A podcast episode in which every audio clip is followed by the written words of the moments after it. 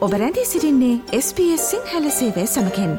වැඩිතුර තොරතුර දැනැනීමට පිවිසන්න ps.com.ta/ Sinhala වෙපඩවයට ඔබේ ප්‍රජාවේ සිදුවන දෑ සහ ඔබේ සංවාද සඳහා දැන් SBS සිංහල වැඩස්රහන ඔබ වෙනුවෙන්ම. අපේ ප්‍රජාවේ සිදුවන තවත් සුවිශේෂී කර්තාවයක් පිළිබඳව වන අලුත් තොරතුරක් ඔබ හමුවේ තබන්නයි තැන් අපේ මේ සූදානව. සංක්‍රමණිකයෙන් විදිහට අපි මේ ඔස්ට්‍රලයානු දේශයට ඇවිල්ලා ස්ථාපනය වන විවිධාකාර වූ ක්‍රම තියෙනවා. ඒ එන අතරවාරයේදී අපි ශ්‍රී ලංකාවෙන් අරගෙනාපු අපේ හැකයා දක්ෂතා. මේ රටටත් අපි අරගෙන ඇවිල්ලා මේ රටේ රැකයා ශේස්ත්‍රවලට එවගේම සමාජ ප්‍රගමණයට එවිතරක්ද නිර්මාණ කර්තාවයන් වලටත් ඒ දක්ෂතා එකතු කරන මොහු කරන. එවන් වූ පුද්ගලෙක් වසර හතලිහක් පුරාවට ශ්‍රී ලාංකික ප්‍රසංග කලාවට වාද්‍ය ශිල්පියෙක් විදිහට එකතු කරපු හැකියා අගේ කරන්නට වේදිකාවක් මත සොඳුරුතම අවස්ථාවක් මවන්නට සූදානම් මෙල්බන්වල එක්තරා පිරිසක්. මේ වාද්‍ය ශිල්පියා ශ්‍රී ලංකාවේ මේරියන් සංගීත කණ්ඩායමේ ඩ්‍රම්ස් වාදන ශිල්පියා ජූඩ් ෆනෑන්ඩෝ. ජූඩ් ඔස්ට්‍රලියාවට ආවට පස්සෙත් මෙල්බන්වල විශේෂයෙන් ඉටත් අමතරව අනෙකුත් ප්‍රාන්තවල පැවැත්වෙන සංගීත ප්‍රසංගවල නැතුවම බැරි අපිට නිතරම දකින්නට ලැබෙන ට්‍රම්ස් වාදන ශිල්පියෙක්. ජූට්ට උපහාර පුදන්නට මෙල්බන්හි ජර්මානු කාර්මික අභ්‍යාස ආයතන ආදිශිෂ සංගමේ සූදානම් වෙලා සිටිනවා මේ මාසේදී. ඉතින් දැන් ජූඩ් ප්‍රනාන්දු SBS සිංහල මැද්‍රියේ ඉන්නෝ. අපි සූදානම් මේ අවස්ථාව මොකක්ද කියලා ජූට් එක්ක වැඩි දුර තොරතුරු කතා බහ කරන්න. ජූඩ් අයිබෝන්. අයිබොන් දිලුක්ෂි අයිබෝන්. හොඳ ජූඩ් දැන් හැමෝටම මතුවෙන කුතුහලය මටත් මතුවෙන. ජූඩ් කොහොමද ඇත්තටම ඩ්‍රම්ස් වාදන ශිල්පියෙක් බවට පත්වෙන කොමද මේරියන්ස් කණ්ඩායමට එකතුවෙන්. අපි අතීතයට ගිහිල්ලා ඒ මූලාරම්භේ සිදුවන තැනින්ම අපේ මේ කතාබහ පටන් ගනිම්.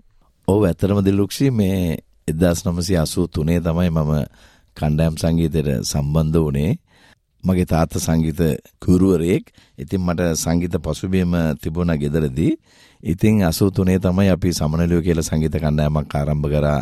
ඒ හිටපු පැරණි සාමාජිකයෙක් වන රෝයි ෆොන්සක මහත්මය.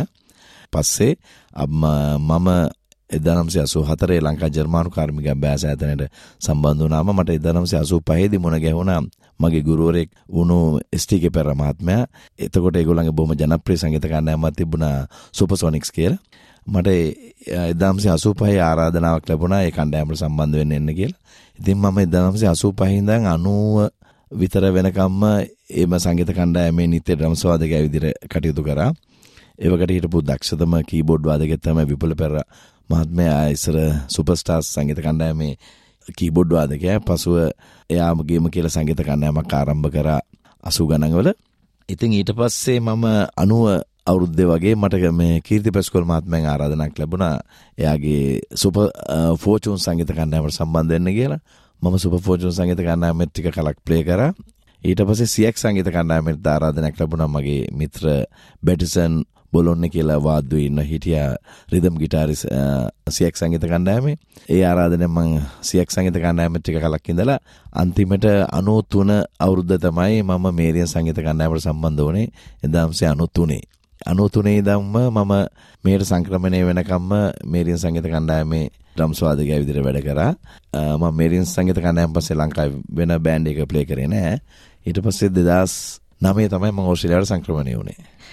හොඳයි ජෝඩ් දැන් ඇත්තටම දැන් කුඩා කාලේදී මේ Tamanගේ ප්‍රියතම වාද්‍ය භාණ්ඩයේ ඩ්‍රම් එක කියලා කොහොමද අඳුනගත්තේ? ඇයි ඩ්‍රම් එක ප්ලේ කරන්න හිතුනේ? ඔව් මම ඉස්කෝලේ යන කාලේ ඉඳන්ම ඉතින් ඔය මේ ඔය මේසට තට්ටු කරනවා කවකොට පෙට්ටියට ගහනේ ඕව තමයි පොඩි කාලේ දම්ම තිබුණේ කොහොමද ඉස්සර මියුසිකල් ෂෝ එකක් බලන්න ගියත් ඒ ඩ්‍රම්ස් වාදකයා ඉන්න පැත්තේ ගිහිල්ලා ඉවර වෙනකම්ම එයා දිහාම තමයි බලන් ඉන්නේ. ඉතින් ඒ ආසාව පොඩි කාලේ ඉඳන් තිබුණා.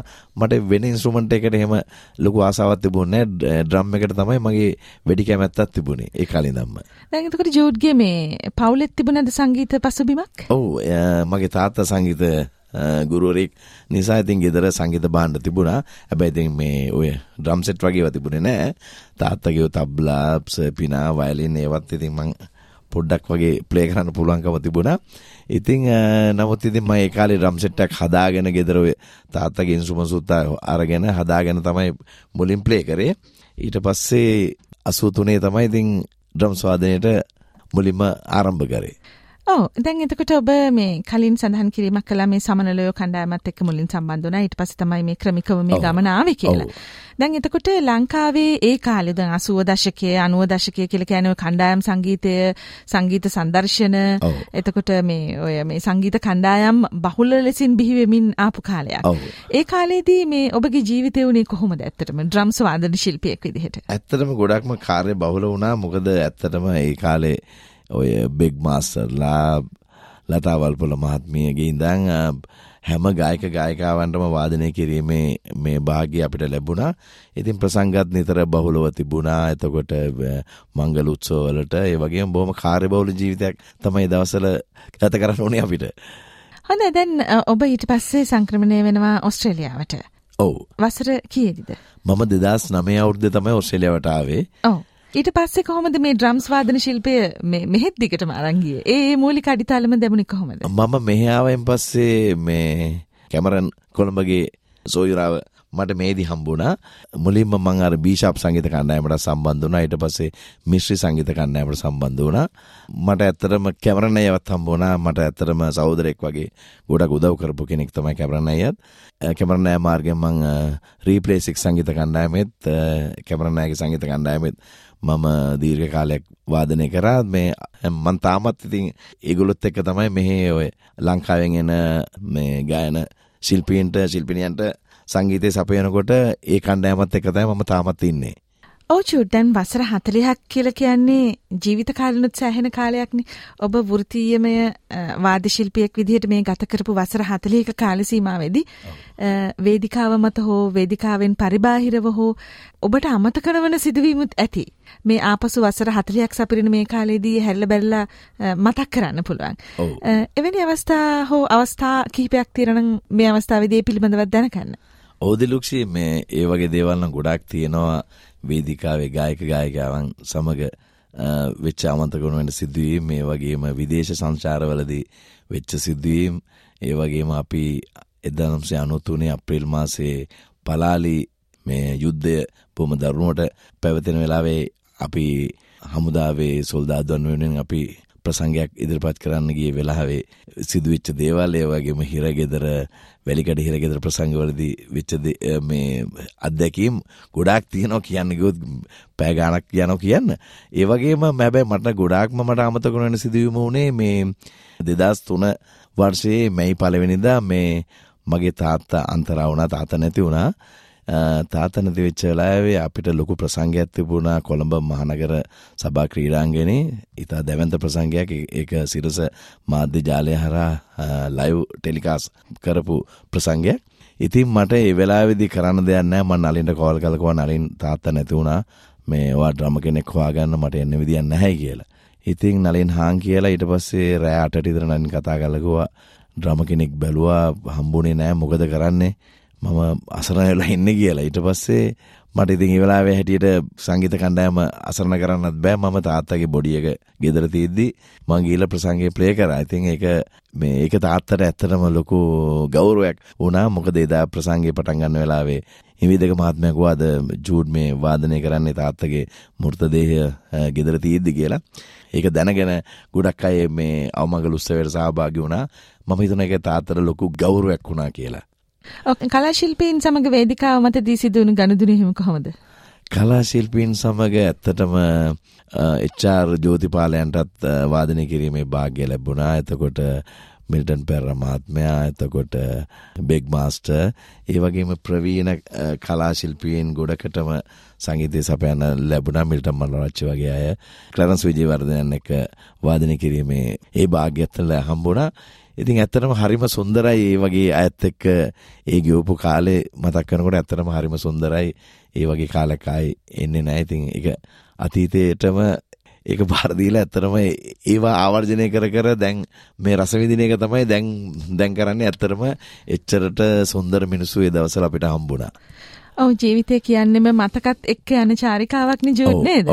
ඔව් දැන් අපි මේ කතා බහ කරන්නේ ශ්‍රී ලංකාවෙන් ඕස්ට්‍රේලියාවට සංක්‍රමණය වෙලා ඔස්ට්‍රේලියාවෙදිත් විශේෂයෙන්ම වික්ටෝරයා ප්‍රාන්තයේ ඇතුළු බොහෝ ප්‍රාන්තවල සිදුවන සංගීත ප්‍රසංගවලදී ඩ්‍රම්ස් වාදන ශිල්පියා විදිහට කටයුතු කරන ජූඩ් ප්‍රනාන්දුගේ සංගීත දිවියේ වසර 40ක් සපිරීම වෙනුවෙන් ඔහු වෙනුවෙන් උපහාර උත්සවයක් සංවිධානය කළා තියෙනවා. ඉතින් ඒත් සමගාමීවයි අපි මේ සාකච්ඡාව කරගෙන යන්නේ. ඉතින් ජූඩ් දැන් සංක්‍රමණික ප්‍රජාව තුළ විවිධ කර්තව්‍යයන් කරන අය ඉන්නවා. අපි දන්නවා පොත්පත් ලියන ඉන්නවා සංගීතඥවරු ගීපද රචකයෝ නොයෙකුත් ආකාරයෙන් කලාවට විතරක් සම්බන්ධ අය නෙමෙයි අනිකුත් ශාස්ත්‍රවලත් සම්බන්ධ බොහෝ අය බොහෝ දක්ෂතා තියෙන ශ්‍රී ලාංකිකයන් මෙහි ඉන්නවා. ඔව්. ඒ අතරින් දැන් ඔබ ඩ්‍රම්ස් වාදන ශිල්පියෙක් විදිහට මෙහාට ඇවිල්ලා ලංකාවේ කරගෙන ගියේ ඒ කටයුත්තත් මෙහි ආරම්භ කළා බොහෝ සංගීත ප්‍රසංගවලට වාද්‍ය ශිල්පියෙක් විදිහට සම්බන්ධ වෙන කෙනෙක්. දැන් වසර 40ක් සපරීම් වෙනුවෙන් මෙල්බන් වල ජර්මන් කාර්මික අභ්‍යාස ආයතනයේ ආදි ශිෂ්‍ය සංගමය ඔබට මේ උපහාර පිදීමක් සූදානම් කරලා තියෙනවා. ඔබට මොකද හිතෙන්නේ දැන් වසර 40ක් ගිහිල්ලා ලංකාවේ මෙහි අත්දැකීමුත් එකතු කරගෙන වාද්‍ය ශිල්පියෙක් විදිහට ඔබට මොකද දැනෙන හැඟීම? ඒ ලුක්සි ඇත්තටම සන්තෝෂයි මට එකක් කියන්න අමතක වුණා මේ ඇත්තටම මට ලංකාවේදී පසුබිම් සංගීතයේ සපයන්න බැරි ගායකයෝ ගායක ගායිකාව හම්බ වෙලා තියෙන්නේ ආචාර්ය නන්දා මාලනියන්ට ඒ වගේම පණ්ඩිත් අමරදේවයන්ට වගේ මට වාදනයේ පසුබිම් සංගීතය සපයන්න හම්බුනේ නෑ ලංකාවේදී.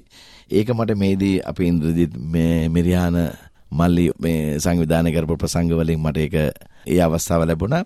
ඒ වගේම මත් තව ඉතාමත් ගරු කරන සංගීතඥයෙක් තමයි සෝමතිකල ජය මහමාත්‍යයා. එතුමාගේ ප්‍රසංගයකටත් මට වාදනය කරන්න අවස්ථාව ලැබුණ එක අපේ මේ ප්‍රසංග සංවිධායකෙක් වෙන ගාමිණි කරෝදනය මහත්මයා තමයි මට විශේෂයෙන් ඒ අවස්ථාව ලබා දුන්නේ මම බොහොම ගෞරවයෙන් ඒක මේ වෙලාවේ මතක් කරනවා. මනුසත් හදවත් තුලින් පිදෙන උපහාර ප්‍රති උපහාර සන්ධ්‍යාව කියලා තමයි මේ සන්ධ්‍යාව නම් කරලා තියෙන්නේ ජෝඩ්. ඔබ වෙනුවෙන් උපහාර පුදන්නට ඕස්ට්‍රේලියාවේ වික්ටෝරියා ප්‍රාන්තයේ මෙල්බන් වල ජර්මනු කාර්මික අභ්‍යාස ආයතනයේ ආදිශිෂ්‍ය සංගමයේ සූදානම්ෙන් සිටින්නේ. දැන් කොහොමද මේ වැඩසටහන වෙන්නේ? ඉතින් ඇත්තටම මම මේ වෙලාවේ ස්තුතිවන්ත වෙන්න ඕන අපේ ලංකා ජර්මානු කාර්මික අභ්‍යාස ආයතනයේ ආදිශිෂ්‍ය සංගමයට මේ වැඩේට මම මුලින්ම අකමැති වුණත් ඒගොල්ලෝ කිව්වා නෑ මේක විය යුත්තක් කියලා. ඉතින් ඇත්තටම මම මේකට ඊට පස්සේ තමයි මම මේක හරි කරමු කියලා කැමති වුණේ. ඉතින් අපි මේකෙන් බලාපොරොත්තු වෙන දිල්රුක්ෂි මේ මේකේ ආරාධනා පත්‍ර විතරයි මේකේ තියෙන්නේ. මේ ප්‍රවේශ පත්‍ර නෑ. ආරාධනා පත්‍රයක් අපේ මේ සංවිධායක මණ්ඩලයට කතා කරලා ලබා ගන්න පුළුවන්. අපි ආරාධනා පත්‍රයෙන් යම්කිසි කෙනෙක් යම්කිසි පරිත්‍යාගයක් කරොත් එහෙම අපි බලාපොරොත්තු වෙනවා ඒ මුදලින් ලංකාවේ දුප්පත් පාසල් වලට ඒ වගේම අඩුපාඩු තිකන් තියෙන ඔය සංගීත බහන්ඩ එහෙම නැති දුප්පත් ඉස්කෝල තියෙනවා ඒ වගේ ස්කෝල වලට ඒ වගේ සංගීත බඩු ටිකක් අරගෙන දෙන්න. එතකොට අපි ඉගෙන ගත්ත පාසලුත් තියෙන ඒවත් අඩුපාඩුකම් තියෙනවා. එතකොට අපි කාර්මික විද්‍යාලෙත් යම්කිසි අඩුපාඩුකම් ඒ තියෙන දේවල් තියෙනවා. අපි සෞන්දර්ය අධ්‍යාපනයේටයි කාර්මික අධ්‍යාපනයේටයි අඩුපාඩුකම් ලංකාවේ තියෙන දේවල් වලට උදව්වක් කරන්න අපි මේ ප්‍රසංගයෙන් බලාපොරොත්තු වෙනවා. දැන් ජූඩ් මේක මේ උපහාර පිදීමක් විතරක් නෙමෙයි මේක ප්‍රසංගයකුත් වෙනවා නේද? එතකොට එදාට ජූඩ්ගේ මේ දක්ෂතා ටිකත් බලා ගන්න පුළුවන්. ඔව් මමත් වාදනය කරනවා. ඒ වගේම අපේ මේ පුතාලා දෙන්නත් ඉන්න තරුණ සංගීත කණ්ඩායමක් තියෙනවා ඩයිනමික්ස් සංගීත කණ්ඩායම. ඒ සංගීත කණ්ඩායමත් එදාට ඉන්නවා. ඒ වගේම තවත් විශේෂ පුජ්‍යලෙන් කීප දෙනෙක් මේ ප්‍රසංගයට සහභාගි වෙනවා. ඉතිං ආරාධනා කරනවා මෙල්බන් වාසී රසික රසිකාවෙන්ට එන්න මේ ප්‍රසංගය බලන්න එන්න මේ උපාර උලලට එන්න කියලා ගෞරෙන් ආරාධනා කරනවා. මේ පෙබරවාරි දොලා සවස හයට තියෙන්නේ ඉරිදා දින තියෙන්නේ ජෝජුඩ් පොෆෝමිං ආර්ට්සෙන්ට හිදී තියන්නේ. මේක ප්‍රවේශ පත්‍ර නෑ. ආරාධනා පත්‍රයක් අවශ්‍ය කෙනෙක් ඉන්නවනම් අපේ සංවිධායක මණ්ඩලේ වසන්ත අමතන්න පුළුවන්. බින්දුවයි හාරසිය තිස්තුනයි බින්දුවයි දහනමයයි දෙසිය දොලා බින්දුවයි හාරසිය තිස්තුනයි බින්දුවයි දහනමය දෙසිය දොලා අය වගේම අනුර ඉන්නවා අනුරට අමතන්න පුළුවන්. බින්දුවයි හාරසිය විසි දෙකයි හාරසිය පනසයයි එකසිය අනුව. බින්දුවයි හාරසිය විසි දෙකයි හාරසිය පනසයයි එකසිය අනුව. හොඳයි ශ්‍රී ලංකාවෙත් ඔස්ට්‍රේලියාවෙත් කණ්ඩායම් සංගීතයේ දශක හතරක මතක එදාට වේදිකාව මත දිග හැරෙනට සූදානම්. ඉතින් එහෙමනම් ජූඩ් මේ වසර 40ක කාලය තුල ඔබ ශ්‍රී ලාංකික සංගීත ශාස්ත්‍රයට ප්‍රසංග කලාවට සිදු කරපු මෙහෙය පිළිබඳව අපූර්වතම සිදුවීම් ඇතුළත් සොඳුරු සන්ධ්‍යාවක් වේවි මේ උපහාර සන්ධ්‍යාව. අපිත් ඔබට සුභාශිංසන අරගෙන එනවා ශ්‍රී ලාංකික සංගීතයට ප්‍රසංග කලාවට ඔබ වසර 40ක් තිස්සේ සිදු කරපු දායකත්වයේ තවදුරටත් වඩාත් ශක්තිමත්ව ඉදිරියටත් කරගෙන යාමට ධෛර්ය ශක්තිය ලැබේවා කියලා විශේෂයෙන්ම ඔබ අත්‍යවශ්‍ය අංගයක් මෙල්බර්න් වල සංගීත ප්‍රසංගවලදී. ඉතින් තවදුරටත් අපි ඔබ දකින්නට කැමැත්තෙන් ඉන්න වේදිකාව මත ඔබගේ ඩ්‍රම්ස් වාදනය. ඉතින් අපේ සුභාශිෂ්‍යන ඔබට එකතු කරනවා. ස්තුතියි දිල් රුක්ෂි SBS ආයතනයටත් මේ අවස්ථාව මට ලබා දීම පිළිබඳව ගොඩක් ස්තුතියි. ඔබේ ප්‍රජාවේ සිදුවන දෑ සහ ඔබේ සංවාද සඳහා දැන් SBS සිංහල වැඩස්රහන ඔබ වෙනුවෙන්ම. මේ වගේ තවත්තොරතුරු දැනගන්න කැමතිද. එහෙමනම් Apple podcast Google podcast Spotify ඔබගේ පොඩ්කාස්ට ලබාගන්න ඕනෑම මාතයකින් අපට සවන්දය හැකේ.